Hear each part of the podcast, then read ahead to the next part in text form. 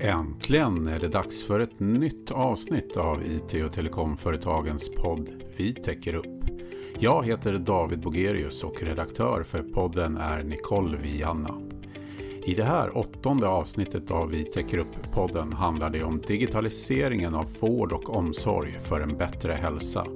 Om de många utmaningar som Sverige står inför men också möjligheterna som den digitala omställningen för med sig.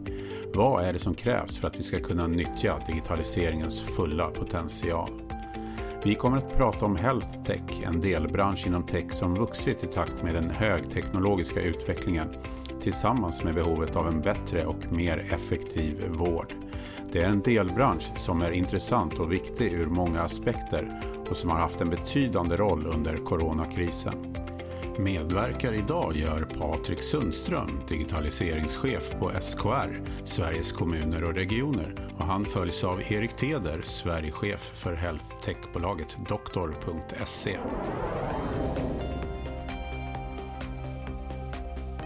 Patrik Sundström, stort välkommen till Vitec Grupp-podden. Tack, jättekul att vara här. Hur står det till med dig? Jo, men det är jättebra tack. Jag sa precis när vi möttes nu att det här är mitt första fysiska eh, möte här eh, i höst i alla fall. Så att vi hoppas att det här fortsätter och att vi får komma tillbaks och börja träffas fysiskt snart också. Ja, men i dessa tider så blir ju så här fysiska möten blir nästan som en liten happening i vardagen. Ja, men jag känner, jag känner verkligen det och jag känner världen, även om vi kan ta oss väldigt långt digitalt så har ju den fysiska världen blivit väldigt liten under, eh, under pandemin. Så att det ger absolut energi att få komma in och träffas här. Kan du inledningsvis ge oss en, en presentation av dig?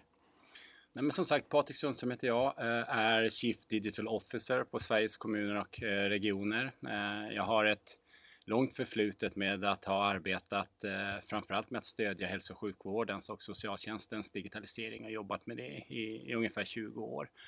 Um, men för att ge liksom lite kontext på min ingång i, i, frågorna så brukar jag säga att jag, jag kan förhållandevis lite om teknik och om jag nu ska vara ärlig, det kanske var Sverige kyrkan i det här sammanhanget, så är jag ju ganska ointresserad av tekniken i sig, eh, men känner mig fullständigt besjälad över de möjligheter som jag ser att teknikutvecklingen ger oss att faktiskt utveckla välfärden och eh, förbättra servicen eh, till våra invånare. Så att det är min ingång i de här frågorna och det som, som, som driver mig på jobbet. Kan du berätta lite om, om SKR då, Sveriges kommuner och regioner och ert uppdrag gällande digitaliseringen av hälso och sjukvården? Nej, men absolut, alltså först så tänker jag att det är viktigt att understryka att som organisation, som företrädare och intresseorganisation för, för landets och samtliga kommuner och regioner så ser vi digitaliseringen som en helt bärande del av hälso och sjukvårdens utveckling. Alltså rätt använt så har den en en helt unik potential att stödja oss människor, att eh, bibehålla och stärka vår hälsa, eh, att öka våra förutsättningar att vara självständiga och delaktiga på sätt som vi kanske inte har varit vana att kunna vara i förhållande till offentlig sektor. Men vi ser också ur ett medarbetarperspektiv att digitaliseringen kan bidra till en betydligt mer kunskapsbaserad vård där resultatet för patienterna omsätts betydligt snabbare än idag och att man får en bättre dag på jobbet. Så att jag vill bara understryka att det, det, här är liksom inte nice to have för oss, utan det är verkligen need to have. Det är en otroligt viktig del i våra medlemmars fortsatta utveckling. Ehm, men men med det sagt så, så, så, ser vi vårt uppdrag som väldigt viktigt. Vi har arbetat väldigt nära eh, ledningen i kommuner och regioner för att stödja deras digitala utveckling.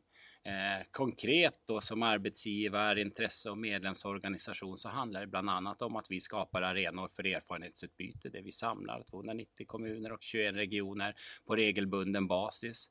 Vi identifierar områden för gemensamma satsningar eh, eller områden där kommuner och regioner som, som huvudmän och som sektor behöver komma överens och kanske harmonisera tolkning av lagstiftning, se till att man har likalydande regelverk eller ersättningsprinciper eller vad det nu kan vara. Så det är också en otroligt viktig uppgift som vi har att skapa förutsättningar för den typen av samverkan för att underlätta till exempel gemensamma digitala lösningar.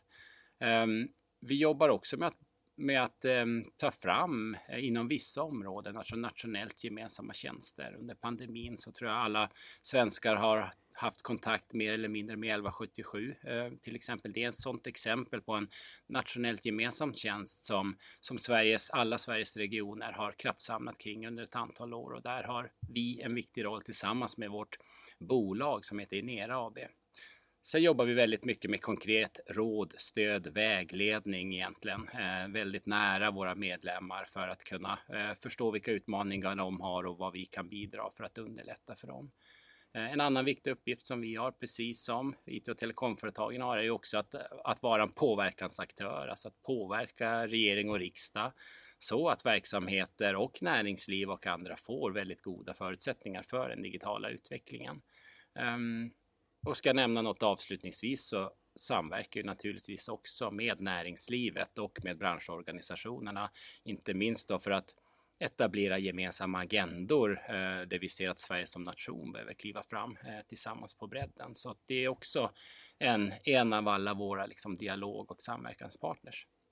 Ja, det finns ju en vision som ni på SKR har tagit fram tillsammans med regeringen för e-hälsoarbetet fram till 2025 då där målsättningen är att Sverige ska vara bäst i världen på att använda digitaliseringens och e-hälsans möjligheter. Hur, hur ska ni lyckas med det?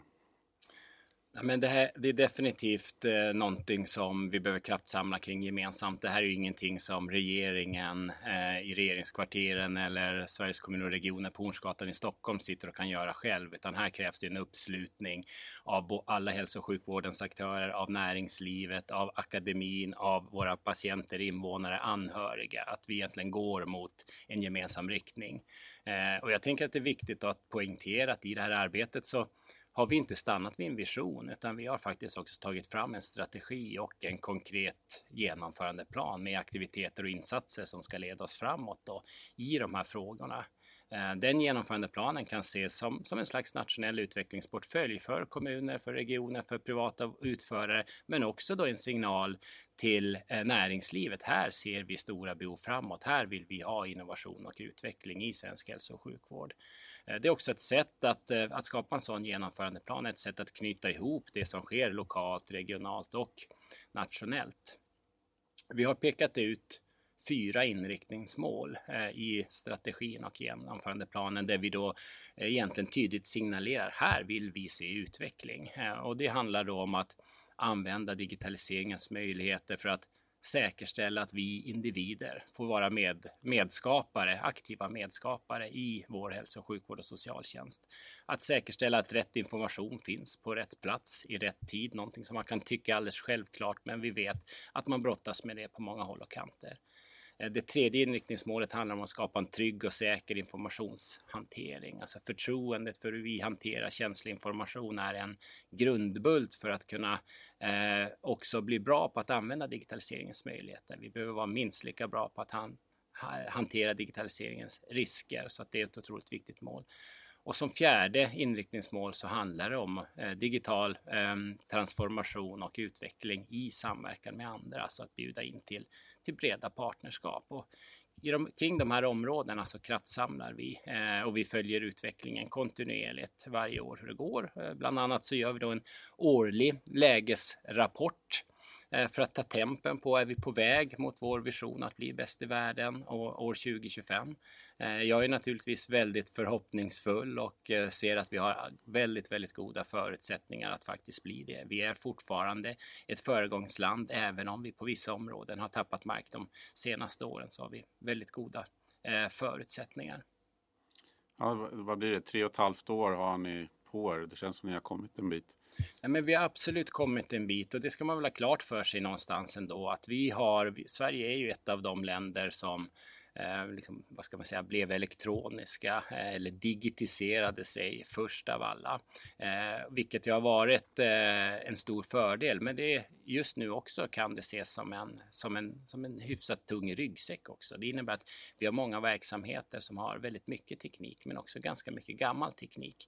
Så här ser vi de kommande åren att det är väldigt, väldigt viktigt att vi faktiskt gör upp med vårt digitala arv i offentlig sektor och investerar oss ur det och kan liksom parkera bort den här gamla tekniken och sätta den på Historiska museet och få in de här nya lösningarna som möjliggör eh, framtidens arbetssätt. Eh, så det kommer att krävas ett hårt arbete under då de här kommande tre och ett halvt åren tills vi har nått eh, 2025 och det kommer att krävas samtidiga och koordinerade insatser av både stat, kommun, region eh, och näringsliv och de privata utförarna naturligtvis. Du, du var ju inne på pandemin här, att den, den har ju satt oss alla på prov och inte minst vården då under en, en, en stor press. Eh, på vilket sätt mer konkret ser du att digitaliseringen underlättade under krisen? Jag skulle vilja påstå att digitaliseringen inte bara underlättat utan den har varit helt avgörande för att överhuvudtaget kunna bedriva en verksamhet och möta invånares behov under eh, det här eh, senaste ett och ett halvt året. Det har tagits ett rejält utvecklingskliv. Vi är väldigt många som har förändrat både beteenden och arbetssätt genom att vi har börjat använda digital teknik som, som visserligen har varit tillgänglig ganska länge runt omkring oss men som inte riktigt har införts och omsatts i nya arbetssätt i våra verksamheter. Så jag, jag, jag tycker mig se att vi är på väg mot en ny spelplan där, där digitalt blir normalt i större utsträckning. Ska jag säga någonting konkret om det utvecklingssprång som vi ser i svensk hälso och sjukvård så handlar det bland annat om att vi har haft en väldigt, väldigt stor ökning av digitala vårdmöten, både i regioner och hos privata vårdgivare. När vi gick in i pandemin så var det ett fåtal regioner, eh, någon enstaka privat vårdgivare och sen fyra, fem digitala vårdgivare som stod egentligen för de digitala vårdmötena. Nu ser vi att alla regioner har erbjudanden för digitala vårdmöten, alla de stora privata vårdgivarkoncernerna och så vidare. Den stora nyheten där, det tänker jag kanske inte är att vi har kunnat se att digitala vårdmöten har en plats i primärvården. Det har vi vetat i ganska många år. Den stora nyheten är att det här har fått genomslag i specialistvården. Det har gjort att man under den här pandemin har kunnat upprätthålla cancerrehabilitering, smärtbehandling, psykiatri och annat. Och det har förstås varit otroligt viktigt i ett läge där invånare har rekommenderats att hålla sig hemma och inte besöka våra verksamheter fysiskt. Så det är liksom den, e-, den ena utvecklingsdelen. En annan konkret, ehm, eh, ett annat konkret utvecklingssprång handlar om att användningen av just vår gemensamma tjänst 1177 formligen har rusat i höjden och eh, vi ser varje månad hur fler och fler invånare dels tar del av den kvalitetssäkrade information eh, som finns där på webben men också utför fler och fler tjänster själv. Bokar tid, för provtagning, tittar på sitt provtagningsresultat, förnyar sitt recept och så vidare. Det tycker jag är otroligt eh, roligt att se och jag märker också i kontakt med mina internationella kollegor att eh, här har Sverige ett försprång som har en ingång för invånaren kopplat till svensk hälso och sjukvård. Så det är två, två exempel eh, som, som jag skulle vilja eh, nämna. Ja, Socialstyrelsen har ju nyligen släppt en rapport som visar på en tydlig pandemieffekt på digitaliseringen i, i kommunerna inom kommunala hälso och sjukvården då, och inte minst inom äldreomsorgen där användningen av digital kommunikation och tekniska hjälpmedel har ökat ganska markant. Eh, vad är din reflektion kring det? Men min spontana reflektion är väl äntligen. Eh, härligt, jätteroligt. Alltså den här utvecklingen har varit på gång under ganska många år nu, men det har gått alldeles för långsamt. Eh, vi har under ett, eh, en lång period sett många eh, framgångsrika projekt och piloter men alldeles för få eh, mera storskaliga breddinföranden. Och om pandemin har bidragit till, till att sätta fart på, på det här så är det i sig väldigt positivt hela socialtjänsten, hela äldreomsorgen är i behov av ett, ett slags förnyelsesprång och vi ser inte minst hur nya arbetssätt och digitala lösningar kan öka då människors trygghet, självständighet och delaktighet. Och jag tror att det är en väldigt viktig förtroendefråga att vi lyckas modernisera och eh, utveckla eh, äldreomsorgen så att den också kan möta oss framtida brukare som är vana att kunna agera digitalt och vara självständiga på olika sätt. Så att det är en otroligt viktig del av liksom välfärdsutvecklingen. Finns det några exempel på lösningar som har implementerats under krisen och på grund av att vi har tvingats till den, den här äh, snabba utvecklingen av digitaliseringen? Eh, ja, men det är det. Jag nämnde ju några eh, stycken tidigare, det här med digitala vårdmöten till exempel. Det är ju någonting som man har behövt införa både i primärvården, i specialistvården. Digitala samverkanslösningar mellan kommun och region har man också behövt införa för att kunna låta liksom kunskap och kompetens färdas digitalt istället för fysiskt. Att kunna koppla upp sig som läkare mot ett äldreboende och vara liksom närvarande i realtid istället för att eh, behöva eh, transportera människor fysiskt. Ett annat exempel. Ett tredje exempel som, som, som jag skulle vilja, vilja nämna handlar om att vi vi ser att vi faktiskt har eh, blivit mer datadrivna och börjat använda data i realtid för att fatta kloka beslut. Vi ser till exempel hur regionerna på grund av pandemin nu då, på veckobasis har, har samlats kring realtidsdata från intensivvården för att monitorera läget över hela landet, fatta beslut om vi kanske måste flytta patienter fysiskt från en region till en annan region. Eh, och här ser vi vilken, vilken avgörande betydelse vår svenska liksom, dataskatt, våra nationella kvalitetsregister inom hälso och sjukvården har haft eh, för att faktiskt möjliggöra en samlad nationell bild av läget. Eh, så det är några liksom, konkreta utvecklingssteg som, eh, som jag ser har tagits. Hur ser du då på marknaden och health tech-bolagens roll under pandemin? Har de lyckats stötta upp offentliga aktörer? Ja men absolut. Eh, jag tycker verkligen att näringslivet har visat sig eh, från sin allra bästa sida. Man har klivit fram och varit en tydlig del av lösningen på de utmaningar eh, som välfärdsverksamheten har haft. I början av pandemin så tyckte jag vi såg hur, hur många bolag skruvade på sina tjänster och på sina erbjudanden så att de skulle bli mer ändamålsenliga kopplat till det vi har framför oss här och nu. Eh, vi såg också hur man omprövade affärsmodeller för att också möjliggöra snabbare liksom avslut, snabbare införanden. Eh, och jag upplever också att samarbetsklimatet mellan bolag till viss del också nådde nya nivåer där eh, jag upplevde att, att man såg partnerskap som, en, som ett vinnande koncept. Ehm, så, så, absolut eh, har näringslivet kunnat stötta upp det offentliga. Ehm, samtidigt så, så tänker jag att man behöver också vara tydlig med att många bolag har också haft det riktigt tufft under den här perioden. Det är inte alla som har blomstrat och fått ökade affärer och kunnat vara en del liksom av, av de här lösningarna, utan bolag har ju kunnat eh, haft sin affär och, och sin, sina utvecklingssatsningar på områden som nu inte har kunnat stå i fokus under pandemin utan som man kanske fått pausat. Eh, eh, och för dem har det naturligtvis varit eh, betydligt tuffare. Så det här blir ju viktigt efter pandemin att offentliga och privata vårdgivare också hämtar upp vilka var våra satsningar som vi var på väg att realisera innan vi gick in i pandemin så att vi nu lyckas ta nästa utvecklingskliv. Ser du några särskilda delar inom HealthTech som, som har stuckit ut och varit extra betydelsefulla? Nej, det, det, vet jag inte om jag kan säga specifikt. Eh, men alla de, här, all, alla de bolag som levererar kommunikationslösningar eh, har naturligtvis eh, haft väldigt, väldigt stor betydelse på olika sätt.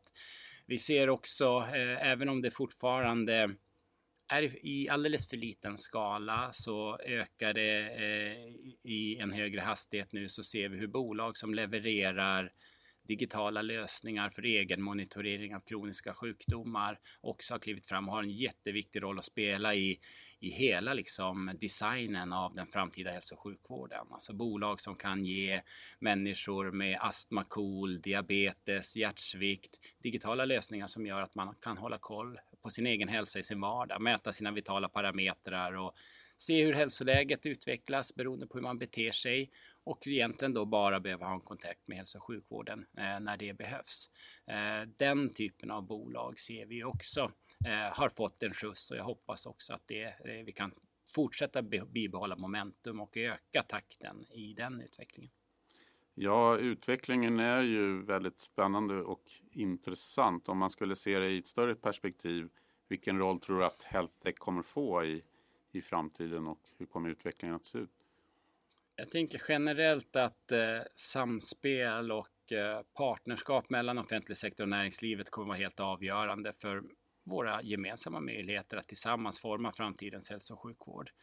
Eh, det är alltid svårt att se om framtiden, men, men givet det vi redan ser börjar hända eh, och vad som egentligen i stor utsträckning redan har hänt i andra sektorer så tycker jag att det finns några saker eh, som ser ut att känneteckna morgondagens mer digitala hälso och sjukvård. Och det första är att vi ser en rörelse från en eh, reaktiv vård till att mer proaktivt stötta eh, hälsa i vardagen. Här har teknikutvecklingen fantastiska möjligheter. Tekniken finns redan där, men vi behöver jobba ännu mer på kulturen och på styr och ledningssystemen för att ställa om hälso och sjukvården för att bli mer proaktiv. Det andra jag skulle vilja nämna, det tekniken har en stor betydelse, det är ju att framtiden kommer handla om självservice för de som kan och vill. Eh, det är en fråga om självständighet och trygghet. Det är egentligen helt absurt att vi i år 2021 har bättre möjligheter att ha koll på vår privata ekonomi än på vår hälsa. Här finns det kraftfulla digitala verktyg som gör att vi även kan ha koll på vår hälsa eh, på samma sätt. Det tredje kännetecknet är ju själva platsoberoendet som vi har börjat nosa på under pandemin, men som jag tror vi kommer få se jättestor utveckling av framåt. Det finns ju inga tekniska begränsningar hur vi kan låta kunskap, kompetens, information och stöd färdas digitalt och när vi liksom till fullo omfamnar den insikten, då blir hälso och sjukvården inte nödvändigtvis en plats man går till, utan en tjänst som levereras där den behövs på det sätt invånaren önskar. Som fjärde kännetecken för framtiden skulle jag också vilja nämna det som jag upplever är helt unikt med den digitala teknologin jämfört med andra teknologier. Det är att den är fullständigt skalbar och eh, oändligt liksom gränslös. Och den som river gränser inom och mellan nivåer, professioner, organisationer och sektorer, den vinner. Alltså den som kommer att, den som ser till att använda den digitala tekniken för att täppa till de mellanrum vi har idag, där vi har ganska stora kvalitetsbrister och inte lever upp till invånares förväntningar, tror jag kommer att eh, vara vinnare i slutändan. Eh, och den sista, den femte och sista kännetecknet eh, som jag skulle trycka på här och nu, det är naturligtvis det vi ser i form av potential för tekniken att avlasta och ersätta arbetsmoment, att frigöra, att göra det som vi människor inte är riktigt duktiga på, men att frigöra eh, tid för oss eh, att ägna oss där, åt där vi kan skapa mervärde på riktigt. Så den typen av utveckling kopplat till AI bland annat kommer bli jättespännande att se. En fråga som kommer upp är ju att det finns ett problem för vårdpersonal och patienter som inte alltid har tillgång till all den hälso och vårdinformation som rör den enskilde och vilket då gör att det blir ineffektivt. De som jobbar inom vården får lägga onödigt mycket tid på administration. Det kan leda till minskad patientsäkerhet. Varför blir det så? Men jag, jag tänker att den utmaningen, den delar vi i princip med, med samtliga eh, länder och hälso och sjukvårdssystem. Och eh, det är en komplex fråga och den har bland annat att göra med lagstiftningens utformning vad gäller möjligheten att utbyta information. Eh, ska jag liksom förklara det kort så har vi en, en lagstiftning som i stor utsträckning är organisatoriskt fokuserad som gör att information på grund av liksom våra regler om offentlighet och sekretess och dataskydd blir lite inlåst i organisatoriska boxar. Samtidigt så har vi människor som, som förväntar sig att kunna liksom glida sömlöst mellan olika aktörer i offentlig sektor och att, och att information kan hänga med på den resan. Så där har vi ett jobb att göra på lagstiftningssidan. Ehm, en annan aspekt specifikt kopplat till hälso och sjukvården handlar om den strukturella förändring som sjukvården har varit med om de senaste 20 åren. För drygt 20 år sedan så var det i princip 21 regioner och 290 kommuner som utförde hälso och sjukvård.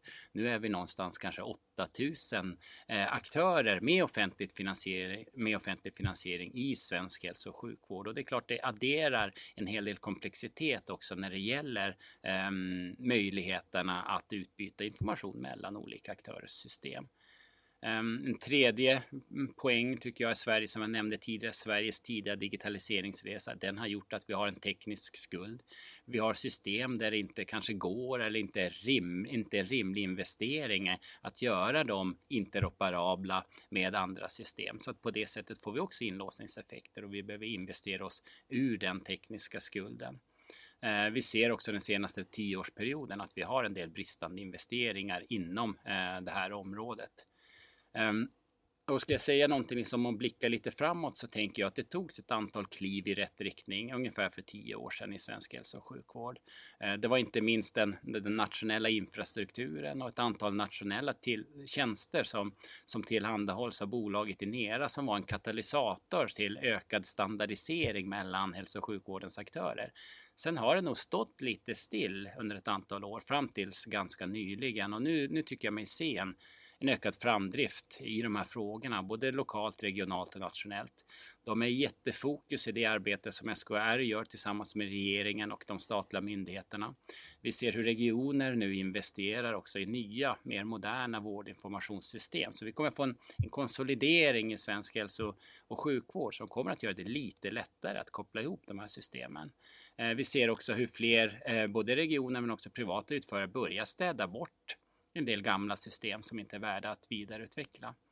Vi ser positiva tendenser från regering och riksdag att vilja ta kliv för att utveckla lagstiftningen och se till att rätt information faktiskt kan få finnas på rätt plats i rätt tid.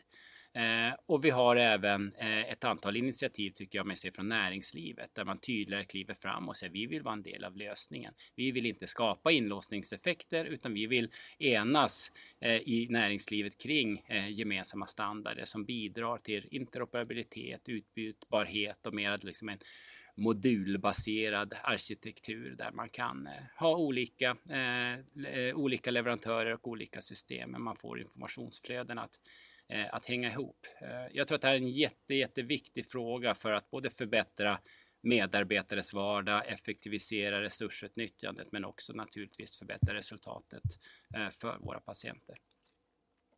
Avslutningsvis om man ser det stort på, på längre sikt. Vad behöver ske, nu ske för att vård och omsorg ska kunna nyttja digitaliseringens fulla potential? Nej, men det är ju ingen liten eh, fråga. Vi har nosat eh, på en del av det. Jag tror att det är väldigt viktigt att vi bibehåller den kurs eh, vi har sagt, den riktning som vi har pekat ut eh, genom eh, Vision e-hälsa 2025. Den knyter oss samman. Eh, vi behöver se samtidiga insatser på alla nivåer, lokalt, regionalt och eh, nationellt. Vi behöver se eh, ett ökat nationellt ledarskap i de här frågorna. Vi behöver se ökade investeringar. Ska vi på allvar ta ett digitalt språng så kommer det att krävas större investeringar än någonsin tidigare. Här behöver bland annat staten kliva fram och säkerställa och möjliggöra att hela Sverige kan ta det eh, utvecklingsklivet. Eh, jag ser också att vi behöver hitta sätt att eh, dra ännu mer nytta av den fantastiska innovationskraft som vi har i Sverige. Det är nästan unikt om vi tittar på hur våra healthtech-företag står sig internationellt och det är ju under de kommande åren vi ska se till att gemensamt skörda frukten kring det. Eh, så där tror jag vi har en gemensam angelägenhet från, från offentlig sektor och från näringslivet att ytterligare säkerställa att vi faktiskt får in de här innovationerna till införande och att det blir lättare både som kund men också som entreprenör att göra rätt, att veta vad man ska förhålla sig till om man ska kunna göra en god affär i Sverige. Okej, en bra avslutning tycker jag på det här samtalet. Stort tack Patrik Sundström för att du ville vara med i Vitek Grupp-podden. Tack för att jag fick vara med.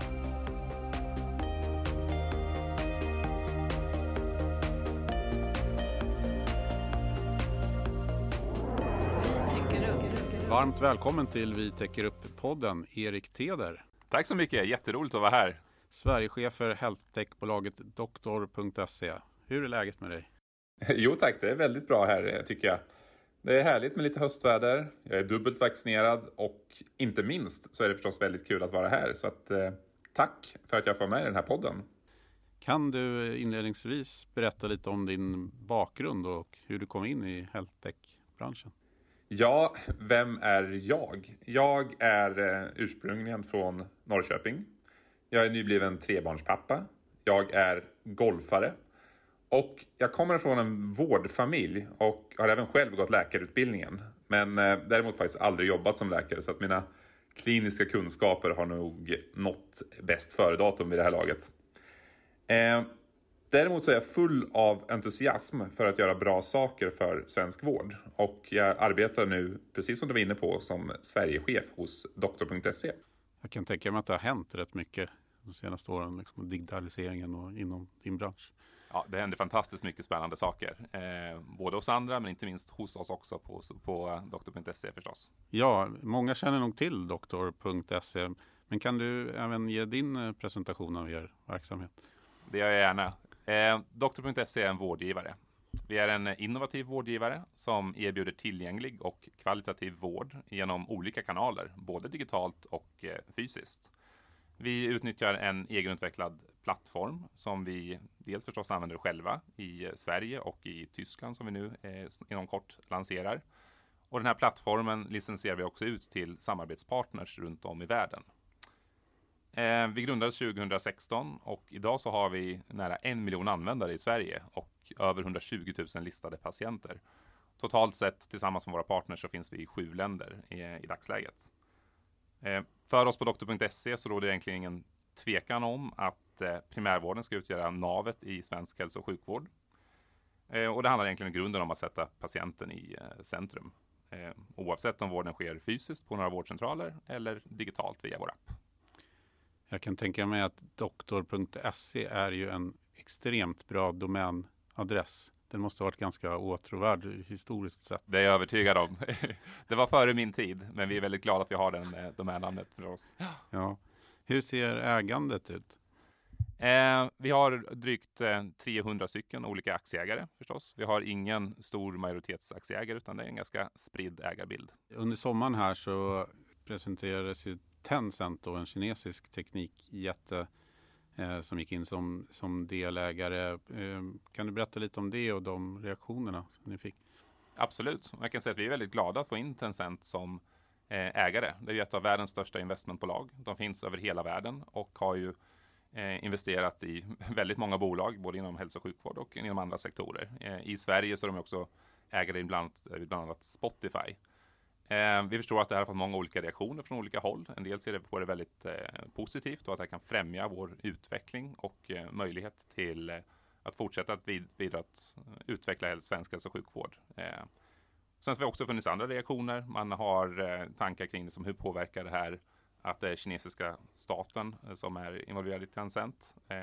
och kort kan man säga liksom den oro som rör att till exempel patientjournaler skulle spridas till Kina, den är obefogad. Självklart så råder svensk lagstiftning som är väldigt hård på det här området i Sverige och vi delar inte den oron. Om vi ser till pandemin som vi tyvärr fortfarande befinner oss i, då, hur, hur har den påverkat verksamheten för, för doktor.se?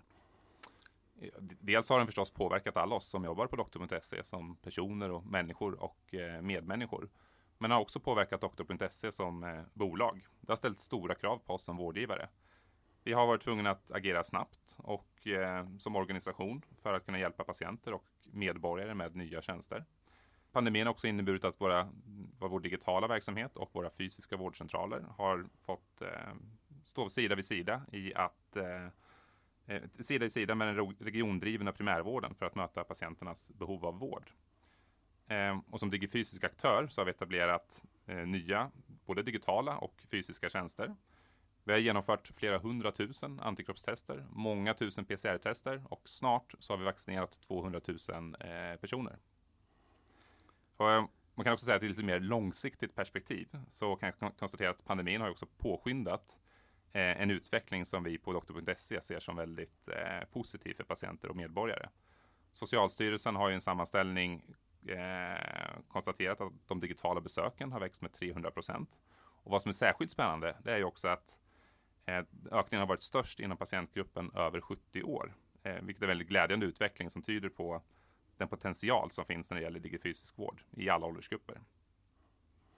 Ja, jag kan tänka mig att det har varit eh, extremt intensivt för er. Alltså med, med tanke på, det är en enorm ökning i kunskap att använda det och just med den åldersgruppen också. Ja, verkligen. Nej, som sagt, vi har, eh, vi har tvungna att agera väldigt snabbt och det sätter stora krav på oss som verksamhet. Att den här pandemin eh, har ställt stora krav på samhället överhuvudtaget och inte minst vi som vårdgivare har ju varit tvungna att som sagt väldigt snabbt behövt ställa om för att eh, kunna hjälpa till i den här svåra situationen.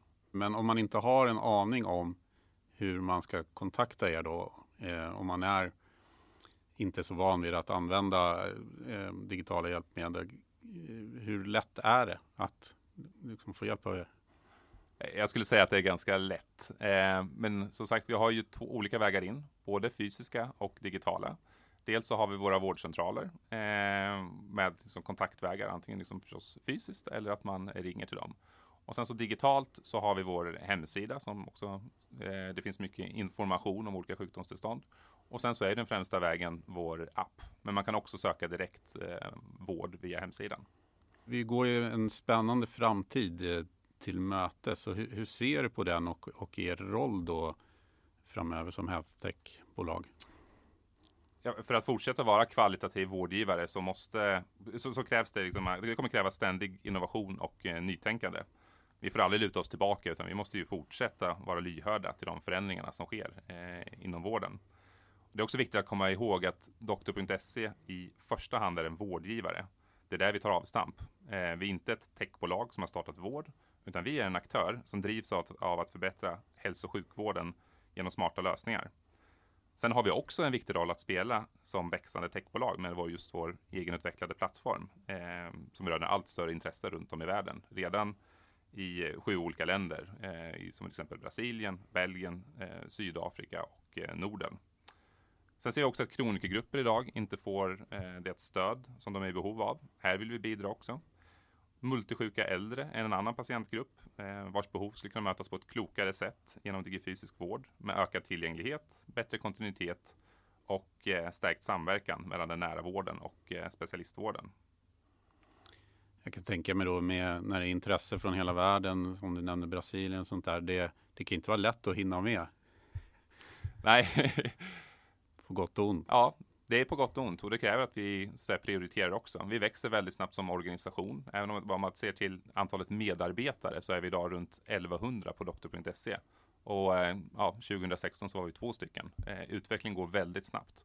Och vi behöver stärka upp, inte bara på den kliniska sidan med fler duktiga sjuksköterskor, läkare, psykologer och andra, men också på eh, vårt techteam växer väldigt snabbt med nya kompetenta medarbetare. Eh, känner du att ni har de rätta förutsättningarna för att kunna verka och erbjuda bästa möjliga vård? Eh, ja, lite både och. Eh, dels så är det förstås vårt eget ansvar att säkra många av de förutsättningarna som krävs för att eh, bedriva god vård. Vi måste se till så att vi är en attraktiv arbetsgivare och locka den kompetens som krävs. Eh, som sagt, både klinisk kompetens och eh, annan kompetens. sen så vill vi också att förutsättningarna ska finnas som möjliggör för patienten att själv söka den bästa och mest tillgängliga vården. Och här så kan ju vi som nydanande vårdgivare eh, spela en viktig roll genom att erbjuda fler ingångar eh, i den nära vården. Eh, sen om vi ska komma med ett önskemål så skulle det vara att få tydliga och långsiktiga eh, spelregler från våra beställare. Eh, spelregler som ger oss möjlighet att fortsätta erbjuda digifysisk vård av hög kvalitet och med god tillgänglighet.